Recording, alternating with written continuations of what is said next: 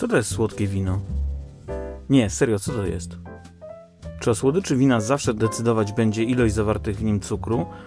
A może cukier to nie wszystko? W tym odcinku postaram się przekonać Was, że nawet wytrawne wino może być słodkie? Cześć, ja nazywam się Przemysław Ziemichut, a to jest Strefa Wolnocłowa, podcast, który prowadzi najsłodszy prowadzący w polskiej blogsferze. Na wstępie zacznę od tego, że e, wbrew temu, co mogłoby wam się wydawać, ze wstępu, który właśnie usłyszeliście, doskonale zdaję sobie sprawę z tego, że istnieje bardzo wyraźna i określona definicja tak zwanych win słodkich i ja, jako miłośnik wszelakich definicji, uregulowań oraz e, jasnego porządku, bardzo sobie tę definicję cenię. Niemniej, ilość cukru, co będę starał wam się w tym odcinku przekazać, mm, to nie jest e, tylko prosta definicja i to, czy wino jest słodkie, czy nie, zależy w dużej mierze od naszej własnej percepcji. Ten odcinek jednak dedykuję przede wszystkim e, osobom, m, które nie rozważały tego tematu, nie rozważały tematu tego, na ile ich percepcja wina jest e, zmieniona przez ilość cukru. Chodzi mi przede wszystkim o osoby, które w świat wina dopiero wchodzą i należą do jednej z dwóch grup. Pierwsza grupa, ja to sobie tak podzieliłem na własne troszeczkę potrzeby, to jest grupa, która za żadne skarby nie chce przekonać się do win słodkich. Mam wśród znajomych trochę tego typu osób, osób, które z jakichś przyczyn uważają, że wino słodkie to wino gorszego sortu. A druga grupa z kolei to są osoby, które w przeciwieństwie do grupy tej pierwszej nie szczególnie chcą pić wina wytrawne i takich osób też w swoim życiu spotkałem bardzo wiele. Są to przeważnie osoby, które praktycznie w ogóle po wina nie sięgają z uwagi na to, że wina uważają zwyczajnie za zbyt cierpkie. Zamierzam więc pożenić obie te grupy w tym podcaście. Jeśli jednak coś już na temat y, wina wiecie, albo y, jesteście przeciwnikami instytucji małżeństwa, to nie wyłączajcie odbiorników. Dla Was też ten podcast może być interesujący. Zacznijmy od y, wprowadzenia definicji wina słodkiego.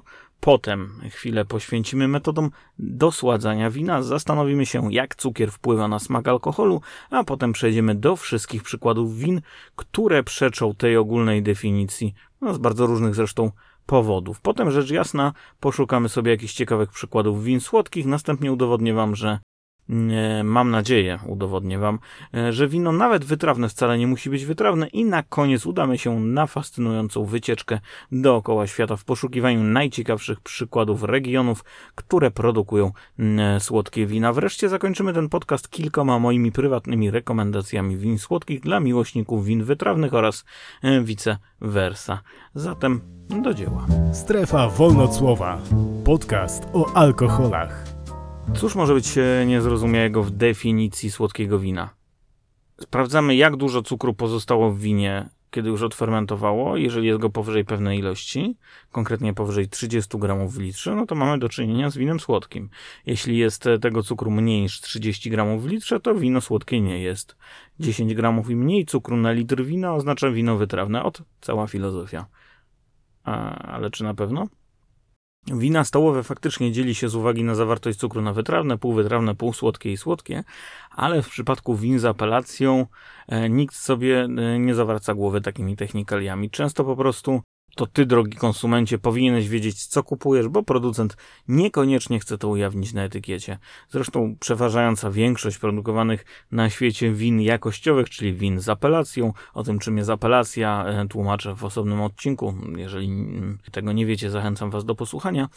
Przeważająca większość win e, jakościowych, czyli win z apelacją, to są właśnie wina wytrawne i przeważnie importerzy umieszczają jeszcze takie małe białe nalepki gdzieś z tyłu butelki. Tam możecie znaleźć taką suchą informację na temat e, wina w rodzaju na przykład mm, wino białe gronowe wytrawne, albo wino czerwone gronowe słodkie, albo e, wino porzeczkowe wytrawne. Wszystko jedno. Sprawa byłaby prosta, gdyby o słodkości wina decydowały tylko suche liczby. Nawet jeżeli mm, wiemy, że część win tokajskich będzie słodka, to wciąż nie wiemy nic na temat tego, jak bardzo słodka będzie. Owe 30 gramów to jest ledwie dolna granica, jeśli chodzi o ilość cukru e, w butelce niektórych win. To jak mawiają trenerzy personalni, sky is the limit. W praktyce oznacza to, mm, że są na rynku wina słodkie, gdzie zawartość cukru może przekroczyć 5, 6, 7-krotnie e, tą podstawową ilość 30 gramów. Najsłodszym winem na świecie, e, najsłodsze wina na świecie, bo co jest najsłodszym w tym momencie nawet nie potrafię wam powiedzieć, gdyż ten wyścig e, zbrojeń trwa w najlepsze, ale najsłodsze wina na świecie mają nawet powyżej 200 gramów cukru w litrze. 200 gramów. Łyżeczka to jest tak średnio 3, 4 do 5 gramów cukru, łyżeczka cukru. Możecie sobie e, w takim razie wyobrazić, ile w tym układzie to jest 200 gramów cukru w litrze wina. 200 gramów to jest szklanka cukru w e, litrze wina. Ok, zatem wiemy już, że słodkie wina e, mogą być bardzo różne i słodkie wino słodkiemu winu nierówne. Zatem przejdźmy dalej, bo musimy wyklarować sobie jeszcze, no przynajmniej dwa terminy, które będą miały znaczenie dla naszego zrozumienia tego, o czym chcę dzisiaj tutaj mówić cukier resztkowy i cukier rezydualny. Cukier rezydualny to jest ten, który gromadzą w sobie winogrona. Im jest go więcej, tym wino będzie potencjalnie słodsze lub e, mocniejsze. Dlaczego mocniejsze? Bo w wyniku fermentacji alkoholowej drożdże zmieniają cukier zawarty w winogronach na alkohol i dwutlenek węgla. No i przy okazji inne substancje, ale te dwie interesują nas przeważnie najbardziej, albo interesują winiarzy przeważnie najbardziej. Jeżeli mm, drożdże nie zamienią całego cukru, mm, w alkohol i dwutlenek węgla, no to pozostanie ten cukier w winie i będzie on pozostawiony tam w formie tak zwanego cukru resztkowego. Ale zaraz, e, jakie cukry, jakie winogrona? Nie można po prostu wziąć wiaderka białego proszku i wsypać do wina? I mam tu na myśli cukier spożywczy, żeby nie było wątpliwości, nie żadne inne białe substancje. No więc i tak nie, ale raczej nie, głównie nie. E, bo jest to zabronione przez prawo, nawet jeżeli sypiemy tylko cukier. Przepisy apelacji w krajach winiarskich mm, dosyć jasno mówią, że taki zabieg w ramach win jakościowych jest niedozwolony. No ale przecież w odcinku o szampanie mówili, że szaptalizacja jest legalna, bla bla bla. Okay, wiele rzeczy mówiłem w odcinku o szampanie. I rzeczywiście są wyjątki od reguły. Jednym z nich jest szampan, i to tu powstała rzeczywiście w tym regionie, to znaczy w regionie szampanii, powstała definicja tak zwanej szaptalizacji, czyli zabiegu mającego na celu zwiększyć nie tyle słodycz, ile poziom alkoholu w winie.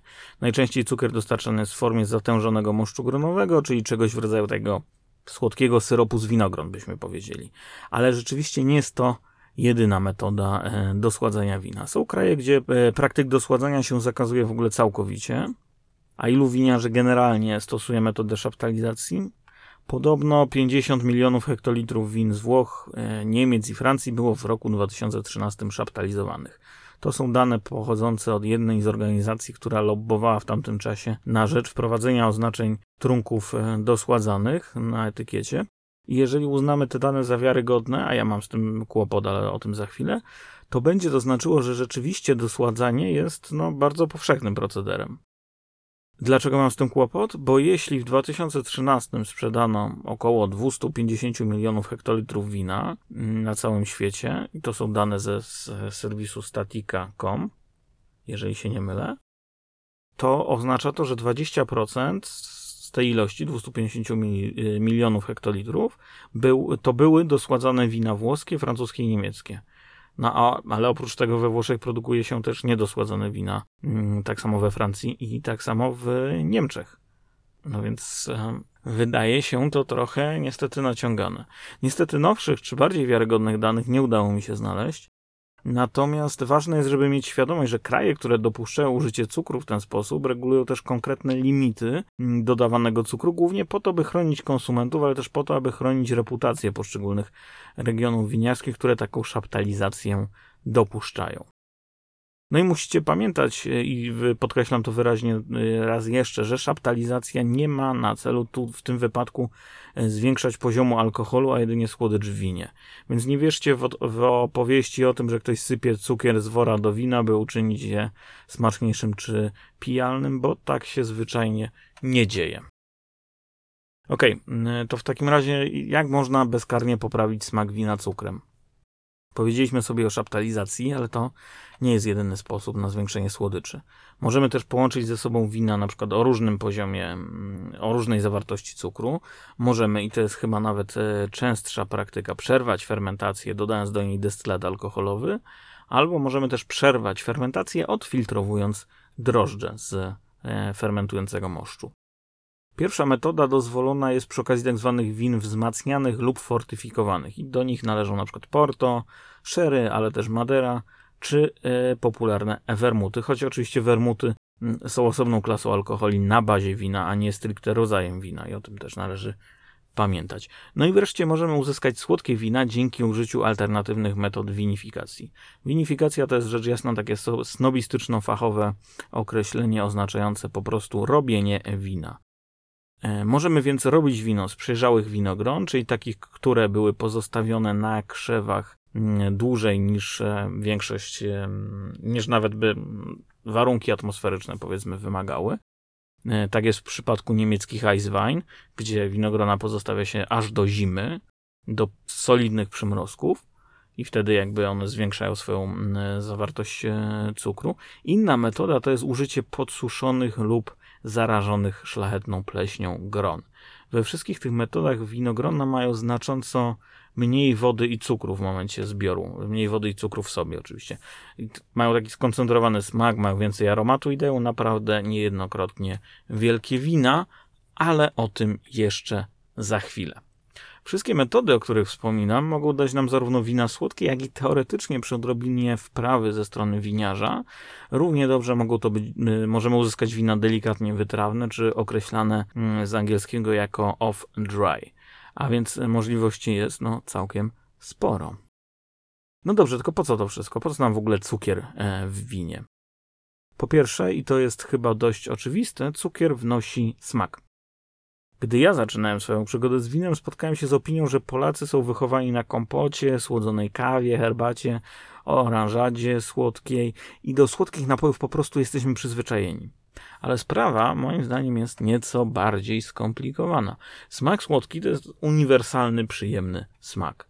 Jeśli się nad tym zastanowicie, to mało kto sam e, z siebie lubi rzeczy słone lub kwaśne, a tym bardziej rzeczy gorzkie. Smak gorzki i kwaśny często postrzegamy jako potencjalnie mm, rzeczy, które smakują gorzko lub kwaśno, potencjalnie są dla nas zepsute. Tak nasz mózg e, odbiera. To jest też e, sygnał dla nas, nie jedz tego, być może jest to e, trujące, być może konsumpcja skończy się dla ciebie źle.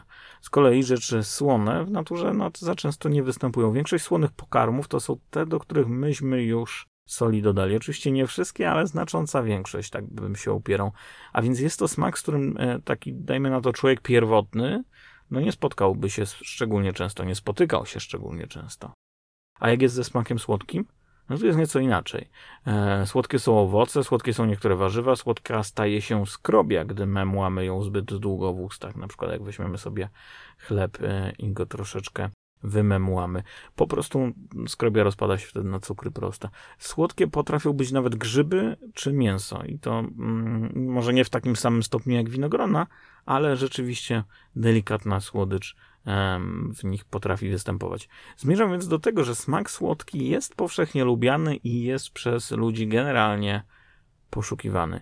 Jeśli pamiętacie odcinek strefy wolnocłowej na temat szampana, to może pamiętacie, że przed wiekami większość win e, była po prostu słodka. Oczywiście nasze, to znaczy ludzi, umiłowanie do słodyczy to jest jedno. Cukier ma bowiem jeszcze jedną zaletę. Po drugie bowiem, słodycz dobrze kryje różnego rodzaju mankamenty, nie tylko wina. Zauważcie, że zarówno kawy klasy speciality, jak i markowe czy też wysokiej klasy herbaty pije się i ocenia bez żadnych dodatków, tym bardziej bez dodatku cukru. Cukier przykrywa zarówno smaki gorzkie, jak i zbyt wysoką kwasowość, czy na przykład niektóre aromaty. Jeśli winogrona są zbyt kwaśne, e, niezbyt nadają się na jakościowe wino, a przepisy apelacji, e, w ramach której się poruszamy, pozwalają nam dosłodzić wino, którąś z metod, które opisałem, czy to w trakcie fermentacji, czy może nawet producentowi uda się dosłodzić po fermentacji, możemy, taki producent może wtedy zniwelować wady kiepskiego wina po prostu. E, to może być zaleta, oczywiście, no bo trzeba wylać wino do kanalizacji w przeciwnym razie, e, jeżeli ono się nie uda. No i generalnie, jeżeli takie wino sobie dosłodzimy i wypuścimy na rynek, no to wszystko pozostaje zgodne z duchem ekologii i ruchu Zero Waste. Ale w większości przypadków będzie to raczej wada, że nasze wino jest e, może niesmaczne, ale zgodne z duchem Zero Waste. Co do pozytywów, To co cukier może wnieść nam do wina? Cukier to jest świetny konserwant i to musimy sobie mm, powiedzieć jasno. Spójrzcie choćby na Coca-Colę. Wbrew obiegowej opinii napój ten nie jest niczym konserwowany, e, a to właśnie między innymi z uwagi na wysoką mm, zawartość cukru. Słodkie i bardzo słodkie wina potrafią przetrwać całe dekady w bardzo dobrym stanie i często mają znacznie większe szanse niż ich wytrawni kuzyni czy lekkie trunki e, z niską zawartością alkoholu na zestarzenie się z godnością. I tu ciekawostka. E, bardzo wiele słodkich win to wina utlenione, a więc takie, które w wyniku dojrzewania E, produkcji czy lat starzenia miały spory, jak na wino oczywiście spory, kontakt z powietrzem, albo e, mówiąc ściślej, z tlenem. Stąd dość typowe są w e, tym świecie zmiany barwy. W przypadku win czerwonych kolor często wpada w pomarańcz albo taką ceglastą czerwień. W przypadku win białych często mamy do czynienia z winami o kolorze złotym, spłowiałym, żółtym i tym podobnych. Gdybyśmy taki kolor zobaczyli w nazwijmy to regularnym winie, czyli takim powiedzmy niedojrzewanym e, jakoś szczególnie dziwnymi metodami, moglibyśmy podejrzewać, że jest to już wino lekko nadpsute albo takie, które e, no właśnie się utleniło i straciło sporo ze swojego aromatu. W Porto, Sherry, Maderze no, czy innych e, winach słodkich, które gdzieś tam tego kontaktu z powietrzem mają całkiem sporo, to jest to absolutnie normalne i wręcz spodziewane.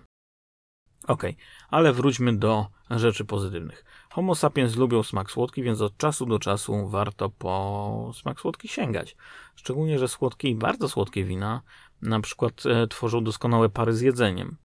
Co bardziej wnikliwi słuchacze być może zauważyli, że nie używam tutaj określenia wina deserowe, choć to jest oficjalna i przyjęta nazwa, ale moim zdaniem jest to określenie mylące, sugerujące, że to jest e, wino, które pije się no właśnie do deseru albo jakby na deser, zamiast e, deseru. Moim zdaniem nic bardziej mylnego, jakby powiedział Radek Koterski z Polimatów. Słodkie tokaje czy wina typu Sautern świetnie sprawdzą się e, do bardzo dużej ilości dania, od serów, przez mięsa, drób, po ryby, no i oczywiście do deserów też, ale nie tylko. Dobra, ja się tu produkuję. Wy być może chcielibyście usłyszeć, jakie wina e, słodkie są warte uwagi. Strefa wolnocłowa. Wiedza, która procentuje. Świat e, win słodkich ja bym tak z grubsza podzielił na te znane i lubiane oraz na całą resztę. Znaczy w grupie pierwszej mieszczą się takie wina jak na przykład część szampanów i e, jakościowych win musujących, oraz wina słodkie spokojne, czyli takie jak na przykład sherry, porto, madera, w mniejszym stopniu marsala, morze, muskaty. Druga grupa to też są oczywiście wina lubiane, tylko dużo mniej znane na świecie. I otwiera tą grupę moim zdaniem Tokaj, który Polakom jest świetnie znany, ale poza Europą, czy nawet Europą centralną i wschodnią, nie ma już tak znamienitego statusu, jak, na, jak ma na starym kontynencie.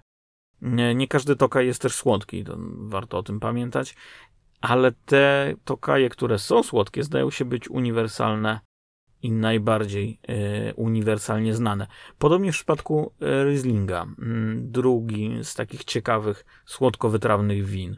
Mm, Rieslingi też mogą być oczywiście i bardzo wiele Rieslingów zresztą jest wytrawnych, ale istnieje cała gama Rieslingów słodkich. Oczywiście mamy też francuskie wina słodkie z apelacji Sautern czy Windu Naturel, Przepraszam za moją wymowę e, francuską. E, mamy też naturalnie słodkie wina z apelacji Rusignol, potem cały szereg innych regionów. Mamy Moscato d'Asti chociażby, e, choć akurat Moscato d'Asti to są wina musujące. Niemniej to nie są Porto i Sherry, które na świecie zrobiły dużo większą karierę niż cała pozostała grupa win słodkich. Ale obiecałem wam, że nie będę się skupiał na winach jedynie słodkich.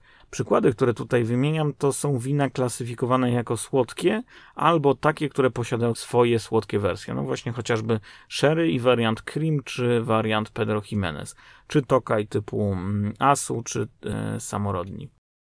Ale w świecie wina jest jeszcze jedno zjawisko. Trunki klasyfikowane jako wytrawne, które mają w sobie naprawdę wiele cukru. Owszem, w świetle podanej przeze mnie definicji to nie będą nigdy trunki słodkie. Ale do przesadnie wytrawnych również nie należą. Mam tu na myśli sporą część na przykład właśnie niemieckich ryzlingów, klasyfikowanych jako Predikats Wein, czyli to są, no można powiedzieć w przybliżeniu a wersje win z apelacją, bo apelacje win niemieckich, o czym mam nadzieję powiemy sobie w osobnym odcinku poświęconym winom niemieckim, to jest w ogóle temat rzeka i obiecuję, że na pewno do niego wrócimy, bo nie ma dokładnie jeden do jednego przełożenia. Niemcy klasyfikują swoje wina z uwagi na zawartość cukru w gronach, e, wina jakościowe. Natomiast e, niekoniecznie ze względu na e, w pierwszej kolejności na obszar pochodzenia, czy na, na te kryteria, które przyjmujemy w przypadku win z innych krajów. Dobra, ale trochę odbiegliśmy od tematu. Oprócz tychże ryzlingów warto wymienić sobie na przykład wina z odmian takich winorośli jak Gewürztraminer, jak Chenin Blanc, jak Muscat, Pinot Gris. A jeżeli chodzi na przykład o wina czerwone, to Pinotage, Primitivo. Primitivo w mniejszym stopniu. Primitivo bywa, bywa wytrawne, ale też nie wściekle wytrawne. Zweigelt, w mniejszym stopniu Merlot. O co w tym wszystkim chodzi? Ano chodzi o to, że e, przeważnie konsumentom słodkich win w winach wytrawnych przeszkadza cierpkość spowodowana przez taniny, garbniki, no i oczywiście wysoką kwasowość. Jeśli usuniemy któryś z tych elementów, e, albo na przykład wszystkie te elementy zrównania, to otrzymamy spodziewany wynik, czyli wino idealne do picia. Dodatkowo mm, wszystkie mocne, aromatyczne, buchające słodkimi aromatami wina, takie właśnie jak Gewürztraminer chociażby, ale też niektóre wina z relatywnie ciepłych klimatów na przykład, dadzą nam takie poczucie pewnej słodyczy w smaku. Sam alkohol zresztą potrafi wnieść do wina dodatkową odrobinę słodyczy. Są tacy, którzy się upierają, że alkohol e, w winie podnosi w ogóle słodycz. Ja do takich osób nie należę. Nie uważam, że alkohol sam z siebie wprowadza słodycz, natomiast coś jest rzeczywiście na rzeczy, że alkohol na pewno wprowadza pewną goryczkę, lekką, lekką cierpkość.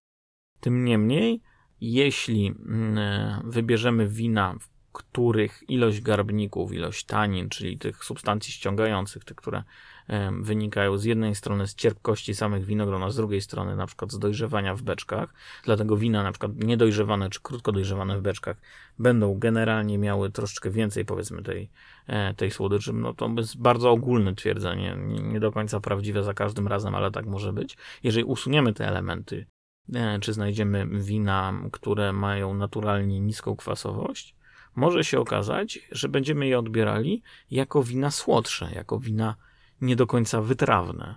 Bardzo często jest tak, że dajemy komuś do spróbowania takie wino Merlota, właśnie powiedzmy e, Pinotage, Gewürztraminera i ten ktoś mówi, że no ale to nie jest wino wytrawne, że ono jest bardzo dobre, ono nie jest wytrawne. Ale wedle wszelkich klasyfikacji, w ramach apelacji, w której to wino powstało, to wino uznaje się za wino wytrawne, nawet jeśli ono ma jakiś tam właśnie e, cukier resztkowy. To jest oczywiście bardzo zgubne i ogólne zalecenie, to o którym tutaj mówię. E, no bo możecie oczywiście szukać win z krajów ciepłych typu Chile, USA, RPA, na przykład Izrael. I to mogą być wasze kierunki podróży. Natomiast y, istnieje milion wyjątków od tego. Niemniej poszukiwanie określenia off-dry gdzieś na tam na etykiecie, czy delikatnie, subtelnie wytrawne tego typu sformułowania, często mogą mm, konotować e, to, że to jest wino właśnie niekoniecznie e, bardzo mocno wytrawne. Jeśli idzie zaś o fanów win wytrawnych, którzy szukają odrobiny słodyczy, Wam proponuję sięgnąć w pierwszej kolejności po na przykład wysokiej klasy Porto, po słodką sherry, na przykład po Tawny Port. O ile dobrze wybrane, będzie naprawdę pozytywnym zaskoczeniem. Sautern, czy nawet Tokaj, a może przede wszystkim Tokaj, to będzie doskonałe wprowadzenie dla e, osoby lubiącej wina wytrawne w świat win słodkich. Szukajcie przede wszystkim tokajów e, samorodni i asu i w tym kierunku bym się udał. Te pierwsze będą powstawały z gron dotkniętych szlachetną pleśnią i gron zdrowych, które się miesza ze sobą jakby i wyciska, potem produkuje słodkie wino. Te drugie, no to już jest troszeczkę bardziej skomplikowana historia, bo tutaj przy tokaju asu e, grona są zarażone szlachetną pleśnią. I te dotknięte pleśnią winogrona przebiera się, tworzy z nich taką słodką, ulepkowatą, byśmy powiedzieli potocznie, esencję, którą wlewa się specjalnymi wiadrami do pozostałych fermentujących, zdrowych e, winogron. Celowo unikam sformułowania spleśniałe winogrona, bo to są konotacje, które mogą, e, mogą nasuwać niekoniecznie e, te mm, skojarzenia O serze typu Rockford na przykład nie będziemy mówili, że jest spleśniały, prawda? To jest jak najbardziej zupełnie inny rodzaj e, pleśni. No każdy, kto lubi sery pleśniowe właśnie orientuje się, co to jest pleś e, szlachetna. Niemniej, wracając do tematu, takie wiadro, którym dozuje się esencję z takich winogron zarażonych szlachetną pleśnią, nazywamy putonem i stąd to kaje 3, 4, 5, 6 putonowe, a więc takie, do których dolano odpowiednio 3, 4, 5, 6 takich wiader na każde 136 litrów e, wina czy moszczu winnego. Im więcej putonów, tym przeważnie wino będzie miało wyższą cenę, no i oczywiście tym będzie słodsze. Czego możemy się spodziewać w ogóle po winach słodkich? Większość e, słodkich win będzie miało takie, przynajmniej tych win dojrzałych, będzie miało, mm, zawierało takie charakterystyczne dość aromaty podsuszonych owoców, przypraw, czasem dżemów, czasem konfitur. Białe wina często będą pachnieć przykład kwiatowo, fiołkami, lawendą, różą, lilią. Oprócz tego pojawią się nuty owoców pestkowych, słodkich, takich bardzo mocno dojrzałych, przykład brzoskwin, nektarynek, moreli. Oczywiście to nie są nuty zarezerwowane tylko dla win słodkich, żebyśmy mieli świadomość, ale doskonale w tych winach słodkich się odnajdują i bardzo często się w tych winach pojawiają. W sherry czy maderze z kolei pojawią się nuty orzechowe wskazujące właśnie na to, o czym mówiłem, czyli na utlenienie wina. Mm, czyli kontakt e, z powietrzem. Tego typu aromaty znajdziecie też w innych utlenianych winach, ale nie znajdziecie ich w klasycznych wytrawnych e, winach. Jeśli chodzi o sherry, to słodka będzie jej wersja Cream i Pedro Jimenez, o czym wspomniałem. Natomiast na przykład Amontillado czy Manzanilla będą e, półwytrawne lub lekko wytrawne. Sherry Fino będzie też raczej wytrawne. No i w zarysie to jest tyle. Na pewno osobny y, odcinek będę chciał poświęcić y, czy to Tokajowi, czy Sherry, czy Porto w przyszłości, ale jest to temat rzeka i nie za bardzo mamy tutaj czas na to, żeby go rozwijać, bo tak naprawdę zrobiłby się z tego odcinka mm, jeszcze musielibyśmy przynajmniej dwa odcinki tutaj y, z tego zrobić. Więc jeśli macie do mnie jakieś pytania, uwagi, tradycyjnie możecie pisać na strefa wolnoclowa małpa gmail.com, e, a kolejny odcinek już za dwa tygodnie w poniedziałek. Zatem trzymajcie się i do usłyszenia.